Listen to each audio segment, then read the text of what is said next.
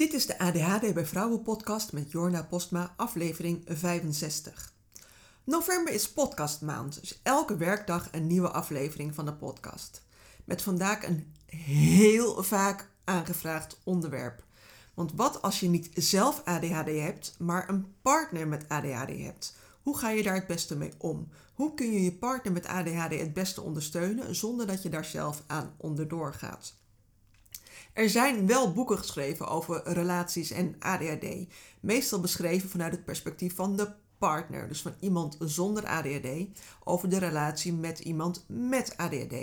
En ik vind het grootste deel daarvan erg beschuldigend, alsof de persoon met ADHD een kind is dat je op moet voeden. En ik begrijp best dat partners dat eh, wel zo kunnen voelen, alsof je een puber in huis hebt die alles vergeet en onoplettend is of vaak te laat is, zijn of haar afspraken niet nakomt. En hierover gaat deze podcast dan ook deels.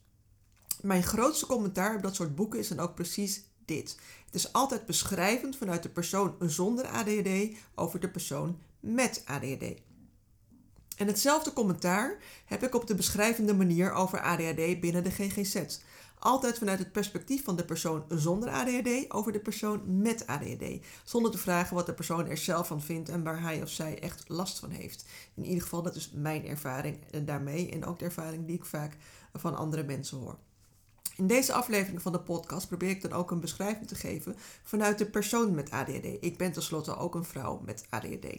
En daarbij probeer ik tegelijkertijd een overkoepelende beschouwing te geven hoe het beste om te gaan met een partner met ADHD. Terwijl je tegelijkertijd die persoon in zijn waarde laat, maar ook zelf je grenzen bewaakt.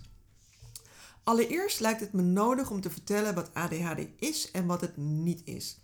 ADHD is namelijk wel meer dan alleen druk gedrag. We kennen natuurlijk allemaal wel het vooroordeel van het uh, drukke jongetje in de klas, het stuiterballetje. Um, maar niet iedereen met ADHD is hyperactief. En uh, niet iedereen met ADHD is trouwens ook man. Er zijn inderdaad, ook vrouwen met ADHD en meisjes met ADHD. Alleen die worden vaak pas op latere leeftijd uh, gediagnosticeerd. ADHD is dus namelijk veel meer dan alleen dat drukke gedrag. En je groeit er ook niet echt overheen als je volwassen wordt. Hooguit dat je leert om er beter mee om te gaan.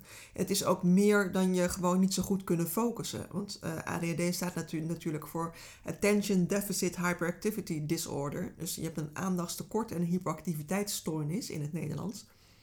Uh, eh, dus daar zou je uit kunnen afleiden dat we alleen uh, een aandachtstekort en, een hyper, en of een hyperactiviteitsstoornis hebben. Dat is natuurlijk niet zo. Want in het kort uitgelegd werken bij ADHD de executieve functies minder goed. Doordat we minder dopamine en noradrenaline beschikbaar hebben. Dopamine en noradrenaline zijn neurotransmitters. En je kunt je voorstellen dat als je daar minder van beschikbaar hebt, dat de informatieoverdracht in vooral de prefrontale cortex minder goed gaat. De prefrontale cortex is het deel van je brein recht achter je voorhoofd en dus ook de plek waar de executieve functies geregeld worden. Maar wat zijn nou die executieve functies? Executieve functies, dat zijn uh, zeg maar de managers van je brein. Dat is dus alsof je een manager in je brein hebt zitten die daar vandaan alles regelt. Dus die, dat is plannen en structureren, prioriteren, uh, emotiecontrole, organisatie, werkgeheugen, tijdmanagement, volgehouden aandacht, taakinitiatie, doelgericht gedrag, flexibiliteit, metacognitie en impulscontrole of impulsbeheersing. En uh, wat je als partner zonder ADHD vooral moet onthouden, is dat je partner wel wil, maar het niet altijd kan. Want het grootste verschil tussen ADHD en niet-ADHD is volgens mij dat bij niet-ADHD je vooral heel erg task-driven bent. Dus je krijgt een taak en die doe je en dan voel je je voldaan omdat je die taak hebt volbracht. Het kost dus niet zoveel moeite om een taak op te starten en af te maken. Ook als je het misschien niet zo heel erg leuk vindt. Want een beloning is het afmaken van die taak. Dat voelt goed. ADHD'ers daarentegen zijn vooral interest-driven. Een taak starten en afmaken als het ze interesseert, dat gaat praktisch hetzelfde als bij niet-ADHD'ers. Misschien zelfs nog wat makkelijker. Maar als ze iets moeten doen dat niet leuk of interessant genoeg is, dan komen er problemen. En tussendoor wat water drinken hoor. En dit is ook meteen waar een hoop ruzies binnen een relatie over kunnen gaan. Je doet alleen dingen die je leuk vindt, uh, horen de ADHD'ers vaak. Of je doet alleen dingen voor jezelf, of je bent egoïstisch. En dat zijn dingen die ADHD'ers vaak horen in ruzies met een partner zonder ADHD. En deels zijn die opmerkingen natuurlijk ook wel terecht, omdat je als partner niet helemaal snapt dat je eh, ADHD-partner niet gewoon doet wat er gedaan moet worden. Dat doe jij tenslotte ook. Ook als hij het niet interessant of stom vindt. Want uh, jij moet ook gewoon de dingen doen die je moet doen, ook al vind je het stom of niet stom. Het maakt helemaal niet zoveel uit. Het moet gedaan worden. Nu moet ik je vertellen dat de zin je moet het gewoon doen een uh, zin is die ADHD'ers hun leven lang hebben gehoord. En dat uh, werkt niet of eigenlijk alleen maar averechts. Omdat voor neurotypische mensen, neurotypische mensen zijn mensen zonder ADHD of A6 of andere psychische dingen. omdat voor neurotypische mensen volkomen logisch is wat er bedoeld wordt met je moet het gewoon doen. Je staat op van je stoel of bank en je doet gewoon die taak. Je neemt het jezelf voor en je doet het. Of je zit achter je computer en je doet gewoon wat er van je verwacht wordt. Nu ligt dat bij ADHD net iets anders. Wij kunnen wat meer als verlamd op de bank zitten. Ons enorm voornemen om op te staan en het te gaan doen. Maar het lukt niet. Je bent dan niet fysiek verlamd, want op zich doen je uh, benen het gewoon helemaal prima maar wel geestelijk. Je kunt echt letterlijk de wilskracht niet opbrengen om te starten of om op te staan. Om een voorbeeld uit mijn eigen leven te geven. Ik, had, uh, ik heb periodes gehad dat als ik de kinderen s ochtends naar school had gebracht, dat ik dan thuis kwam, op de bank neerplofte met mijn jas nog aan en het gewoon niet lukte om mijn jas uit te trekken en op te staan en naar de kapstok te hangen. Ik kon niet opstaan. Um, en dat klinkt natuurlijk voor een niet-ADHD, klinkt het echt totaal bizar. Want je, er is toch niks met je benen. Je staat er gewoon op en je doet het. Maar dat is niet helemaal waar. Dit komt omdat ons brein op een iets andere manier werkt. Als een taak ons niet interesseert, als we het niet leuk vinden, dan hebben wij de intrinsieke wilskracht niet om aan de taak te beginnen. En dat is niet de fout van de ADHD'er, maar dat is hoe het brein van een ADHD'er werkt. Uh, om dit te begrijpen volgt nu een, een vrij theoretisch uh, stukje over de dopamine gedreven feedback loop.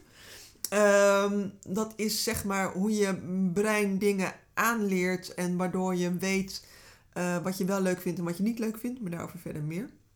Want op het moment dat je iets nieuws doet, maakt je lichaam dopamine aan op het moment dat je klaar bent en dat je het leuk vond. Uh, dat je dan verzucht, ah, dat was leuk of lekker of fijn. Je brein onthoudt dat voor de volgende keer.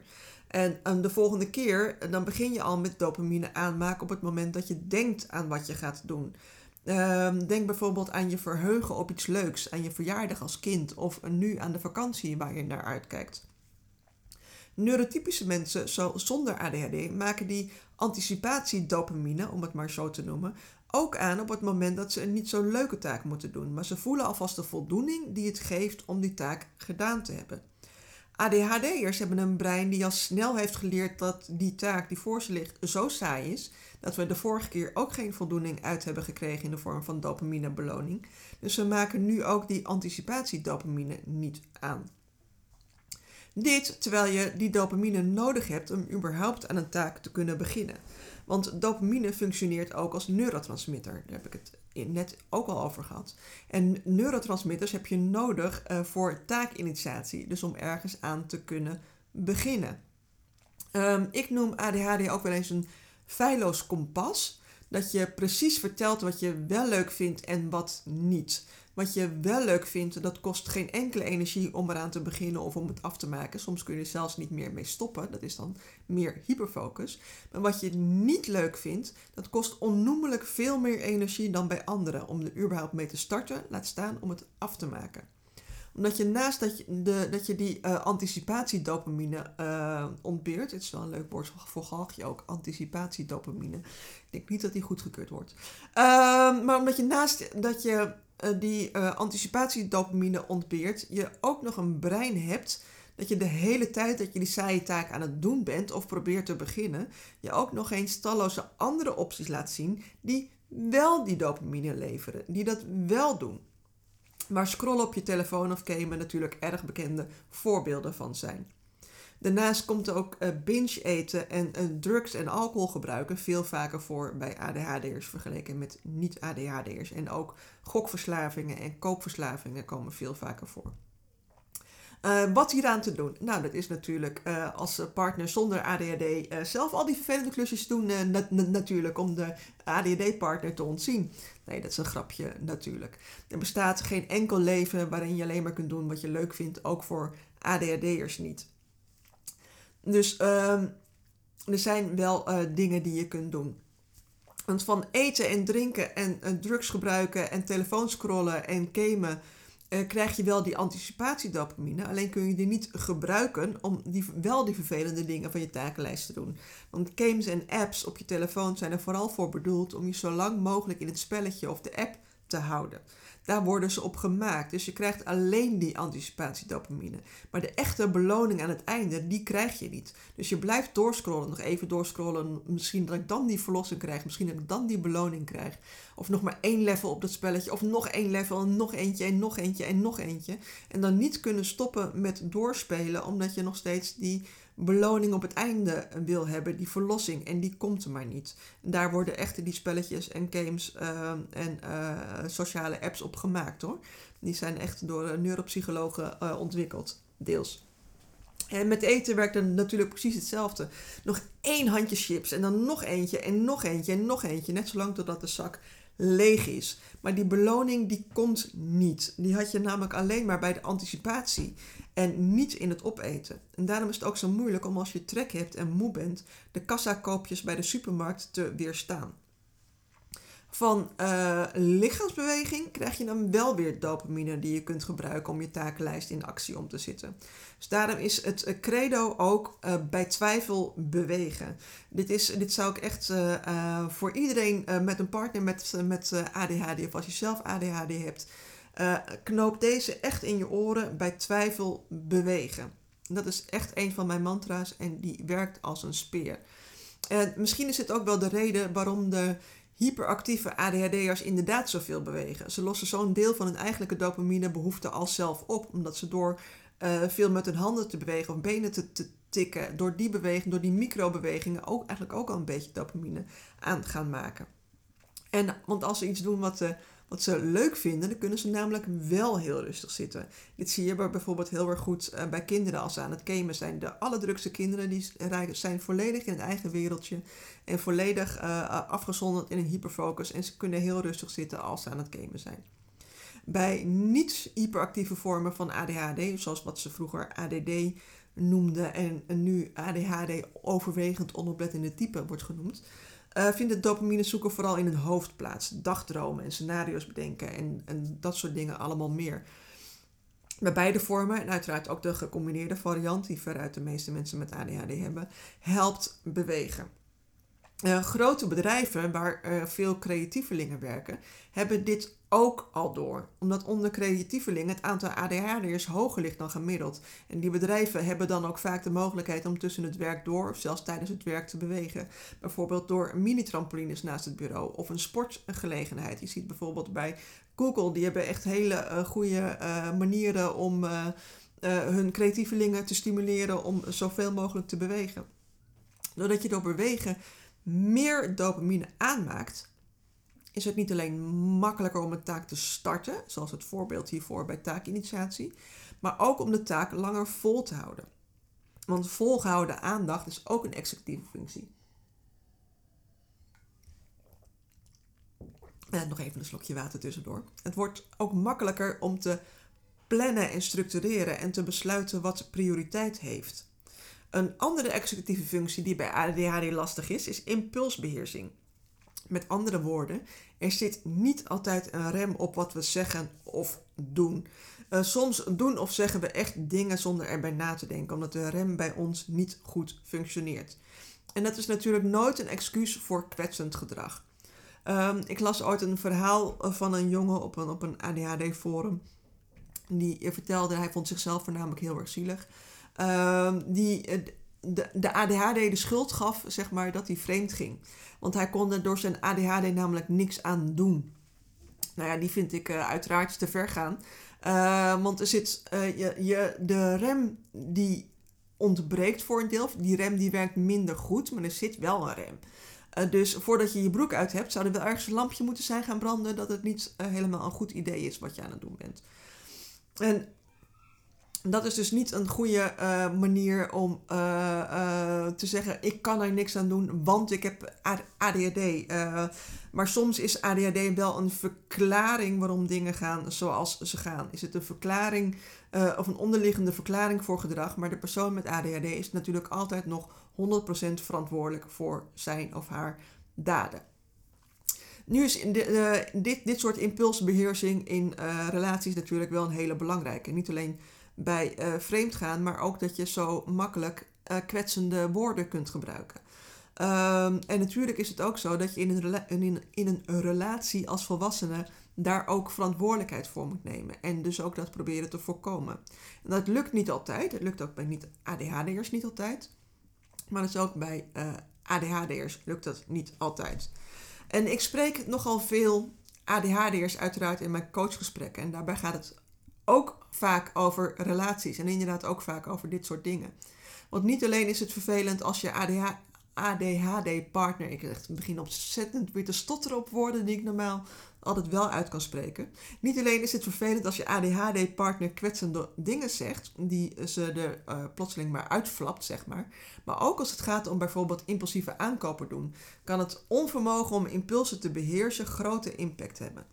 En zelfs leiden tot grote schulden. En daardoor juist relatieproblemen. Want kopen geeft namelijk ook die dopamine-beloning. Of dan eigenlijk vooral die anticipatie-dopamine-beloning. Uh, uh, veel ADHD'ers zijn daarom ook hoorders bijvoorbeeld. Of hebben kasten vol hangen met kleding met de kaartjes er nog aan en nooit gedragen. Um, als het koopgedrag van je partner leidt tot problemen, probeer daar dan samen een oplossing voor te bedenken. Spreek een budget af bijvoorbeeld. Um, Francine Regeling heeft een uh, mooi boek over ADHD geschreven vanuit haar eigen ervaring. Drugs heet dat, D-R-U-K-S. Uh, een aanrader om te, om, te, om te lezen. Maar daarin geeft zij zelf al het voorbeeld hoe zij daarmee omgaat. Want zij uh, heeft zoveel zelfkennis dat ze zegt: Ik kan niet met geld omgaan, punt. Dus uh, zij, heeft, zij heeft zichzelf eigenlijk onder curatelle gesteld. Zij heeft een budgetcoach en die beheert haar geld. En zij krijgt van haar budgetcoach elke week een toelage waar ze haar boodschappen en andere dingen van moet betalen. En als ze een grotere uitgave wil doen, moet ze dat overleggen. Dus dan haal je die impuls uh, de moeite met impulsbeheersing, die haal je daar dan dus uit. En zoals ze zelf aangeeft in het boek, is haar geld anders op aan kleding of uit eten gaan of uitgaan, thuisbezorgd bestellen of toch die dure tas kopen. Omdat het nu op mijn rekening staat en dat je er geen rekening mee houdt dat het ook handig is als je volgende week nog boodschappen kunt doen. Um, nog een belangrijke executieve functie die bij ADHD minder goed werkt, is emotiecontrole. En ook deze is natuurlijk bij partners uh, van mensen met ADHD, of als je in een relatie zit met iemand met ADHD, is het natuurlijk heel erg belangrijk. Is emotiecontrole, is binnen relaties heel erg belangrijk. Dit sluit natuurlijk ook heel erg aan op de vorige over impulsbeheersing. Want ook op emoties zit er bij ons ADHD'ers niet altijd een rem. En dat is soms grappig. Zo vinden mijn dochters het enorm hilarisch dat ik bij zo'n beetje elke film eh, wel een keer moet huilen. Ook is het slechts een natuurdocumentaire waarbij een vogeltje uit een nest valt. Uh, maar het is soms ook ronduit vervelend als je opeens uh, schijnbaar vanuit het niets een woede-uitbarsting hebt, bijvoorbeeld. Nou zijn die woede-uitbarstingen nooit vanuit het niks, maar zo kan het wel overkomen. Ehm, en daarnaast zijn uh, mensen met ADHD nog veel gevoeliger voor afwijzing. Dat heet Rejection Sensitive Dysphoria. Daar heb ik ook een eerdere aflevering over de podcast over gemaakt. Uh, voelen wij afwijzing gewoon een heel stuk sterker. Als wij afgewezen worden, maakt niet uit hoe klein dat ook bedoeld is, voelt het als een messteek in onze buik.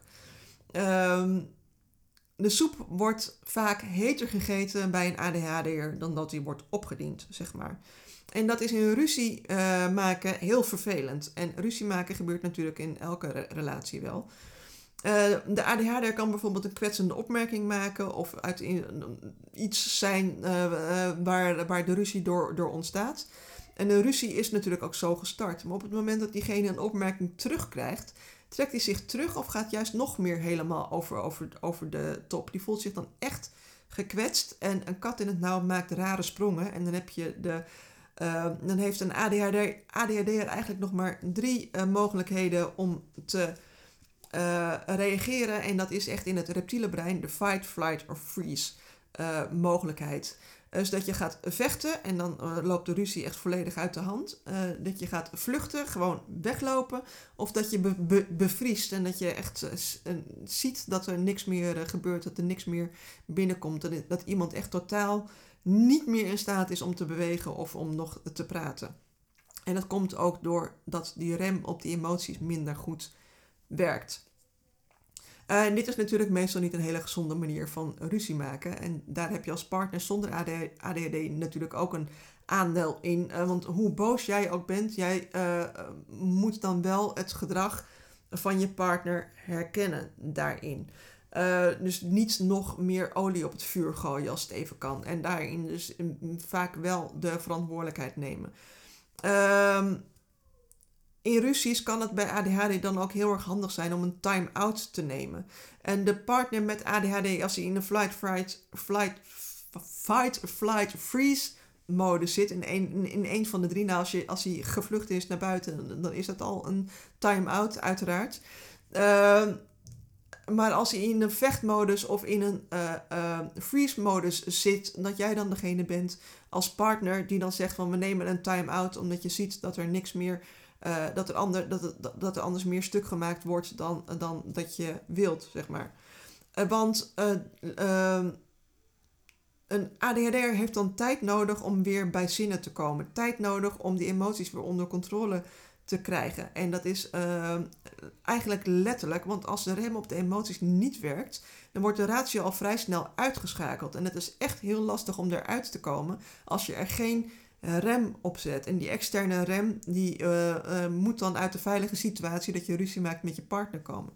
En dat kan door als ADHD'er zelf weg te lopen uit de ruzie. Dus als je, als je van nature de vluchtreactie hebt, is dat al een hele fijne. Maar ook door de partner kan het aangegeven worden dat er een time-out nodig is, omdat het anders niet gaat werken.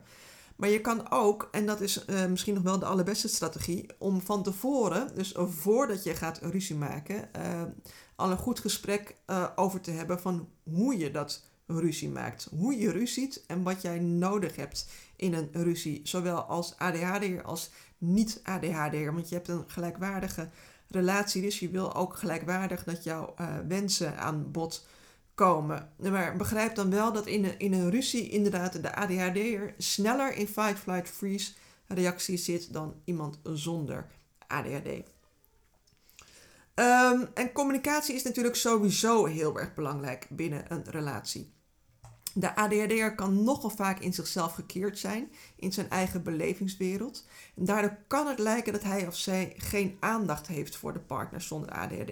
En dat is niet altijd waar. Sowieso is tijdmanagement en tijdsbegrip ook een lastig iets bij ADHD. Dus soms kan zo'n periode van mentale afwezigheid veel langer duren dan uh, dat je zelf in de gaten hebt als ADHD'er. Maar daarnaast kan het best zo zijn dat de ADHD'er in zijn hoofd wel heel erg met jou in de relatie bezig is. Alleen dat niet zo laat zien aan de buitenkant, omdat het meer in zijn hoofd afspeelt. En hier komt goede communicatie natuurlijk naar voren. Verwachtingen die uitgesproken worden. Hoe dat er voor jou uitziet en hoe dat voor de ander is.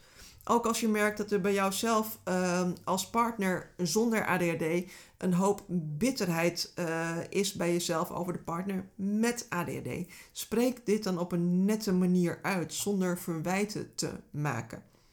Uh, maar laat andersom de persoon met ADHD ook uitleggen wat er in zijn gedachtenwereld omgaat. En accepteer dat je daar soms niks van begrijpt, omdat het bij jou gewoon anders werkt. Want ADHD uitleggen aan een niet-ADHD'er, want dat, dat is eigenlijk vaak wat we, uh, wat we proberen te doen wel. Uh, is dat, dat wij als ADHD'er proberen uit te leggen aan een niet-ADHD'er um, ehm, um, hoe dit in je hoofd voelt of hoe het voelt om ADHD te hebben. Het is soms alsof je de kleur groen probeert uit te leggen aan een kleurenblinde. Dat is heel, heel lastig. En andersom geldt dat voor jou natuurlijk ook. Jij bent misschien gewend, meer gewend, dat iedereen die je ontmoet zo'n beetje op dezelfde manier functioneert en denkt.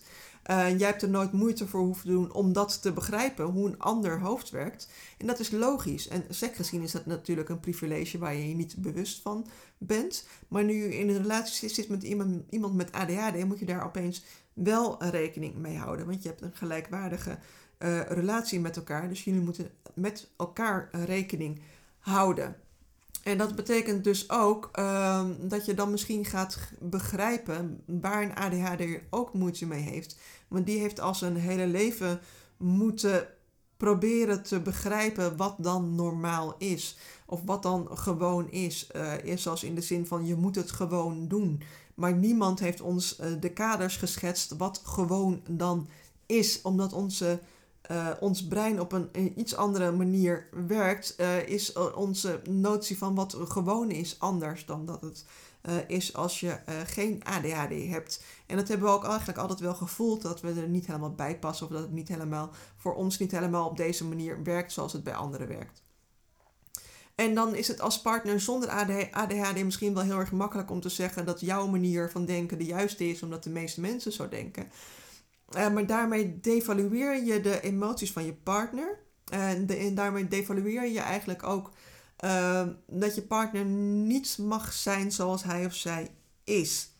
En dat werkt niet. Of althans, het levert niet die fijne, gelijkwaardige relatie op waarvan ik er nu van uitga dat je die wil hebben. Dus dat is natuurlijk wel een lastige uh, situatie die je wil proberen te voorkomen. Dus probeer te begrijpen dat het inderdaad het brein van een ADHD'er net op een andere manier functioneert als het uh, uh, brein van een niet-ADHD'er. En probeer daar ook begrip voor te kweken. Maar in een notendop de stappen die je als partner met ADHD kunnen helpen. Dat is probeer te begrijpen wat ADHD is en wat het niet is en hoe de belevingswereld van je partner werkt dat wat voor jou gewoon is, dat voor de ander niet altijd is. En andersom voor de partner met ADHD, probeer ook te begrijpen hoe het andersom werkt. Als je je daar een klein beetje in kan inleven en ook hoe het voor jou werkt. Uh, uit je emoties en geef je grenzen aan loop ook tegelijkertijd niet over de grenzen van je partner heen. En veel ADHD'ers hebben, vooral vrouwen met ADHD, hebben niet geleerd om grenzen aan te geven. Uh, dus probeer uh, je partner met ADHD daar ook uh, bij te helpen door grenzen aan te geven of zoek hier samen hulp bij. Ehm, maak van tevoren afspraken over wat je doet als een ruzie over verhit raakt. Neem time-outs bijvoorbeeld en spreek dit van, van tevoren af dat je, uh, dat je een codewoord hebt of weet ik veel wat. Of een, een jokerkaart die je kan, uh, die je kan uh, trekken als je niet meer uit je woorden komt.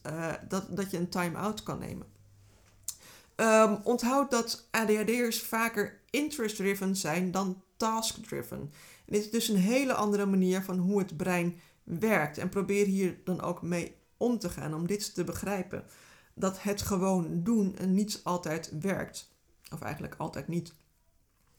Um, voor de ADHD is het ook goed om te begrijpen hoe hij of zij zelf in elkaar zit. Help daar ook bij, bij de juiste hulp zoeken. En omschrijf daar ook bij waar jij dan tegenaan loopt bij de ander. Want metacognitie, dus ook uh, terug kunnen reflecteren op je eigen gedrag, uh, werkt bij ADHD net even wat anders dan anders. Dus dat is ook wat lastiger. Maar uh, snap dus ook dat de meeste acties die de ADHD'er doet, uh, komt door een andere balans in zijn brein, niet uit onwil. Zo kan de ADHD-partner juist ook ruzies of discussies uitlokken, omdat je daarbij adrenaline aanmaakt en adrenaline ook een neurotransmitter is. En hij of zij daardoor beter functioneert. En laat je daardoor dus niet altijd uit de tent lokken. Um, de mantra om te onthouden is bij twijfel bewegen. Bij woedeuitbarstingen, bij paniek en angst, maar ook bij lethargie en niet tot taken kunnen komen, laat de ADHD'er bewegen.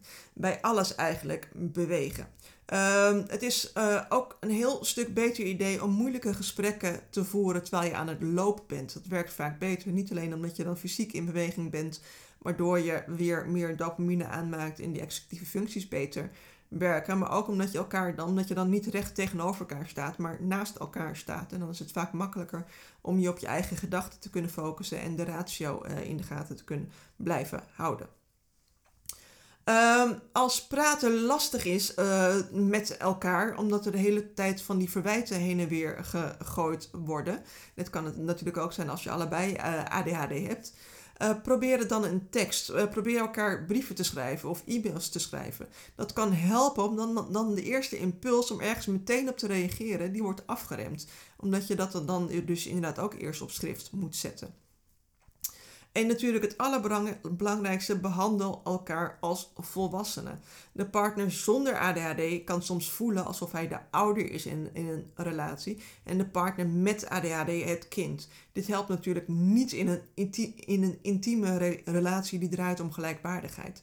Behandel elkaar dan ook als gelijkwaardig. Ook al zijn jullie niet hetzelfde en denken jullie niet hetzelfde, maar jullie zijn nog altijd wel gelijkwaardig. Een gelijkwaardige relatie, dat is een, de beste vorm van een relatie. Ehm, ik hoop dat ik zo ehm, voldoende antwoord heb gegeven op de vraag of ik niet een podcast wilde opnemen over ADHD ehm, bij partners of een partner met ADHD, zeg maar voor de partners zonder, zonder, ADHD. Heb je nog vragen, wil je meer weten, stuur het naar jorna.yourjoy.nl, J-O-R-J-O-Y, of volg me op Instagram en doe mijn DM. Uh, ik heb ook Facebook, maar daar kijk ik mijn DM bijna, bijna nooit in. Dus als je ook antwoord wil, zou ik dat zeker niet doen. Um, voor nu bedankt voor het luisteren en tot de volgende keer.